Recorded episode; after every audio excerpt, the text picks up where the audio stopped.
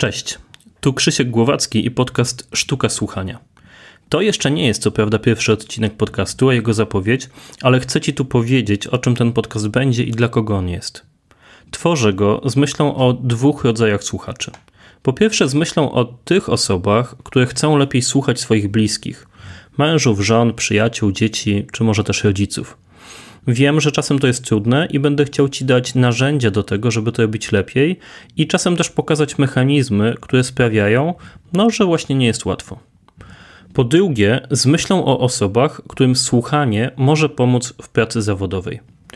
Przez kilka lat pracowałem jako trener komunikacji e, i często widziałem, jak bardzo koncentrujemy się na tym, żeby lepiej mówić, żeby inni nas usłyszeli, a jednocześnie widziałem, że tak naprawdę kluczem do tego, żeby być usłyszanym, jest to, żeby zacząć słuchać.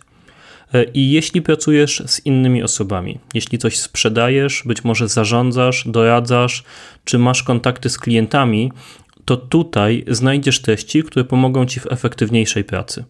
E, bo słuchanie pomaga budzić zaufanie, pomaga docierać do potrzeb innych ludzi e, i po prostu budować z nimi relacje. Jeśli to są interesujące dla Ciebie tematy, to zapraszam Cię do dwóch rzeczy. Po pierwsze, do zasubskrybowania tego podcastu i dzięki temu przy każdym nowym odcinku on będzie się u Ciebie pojawiał.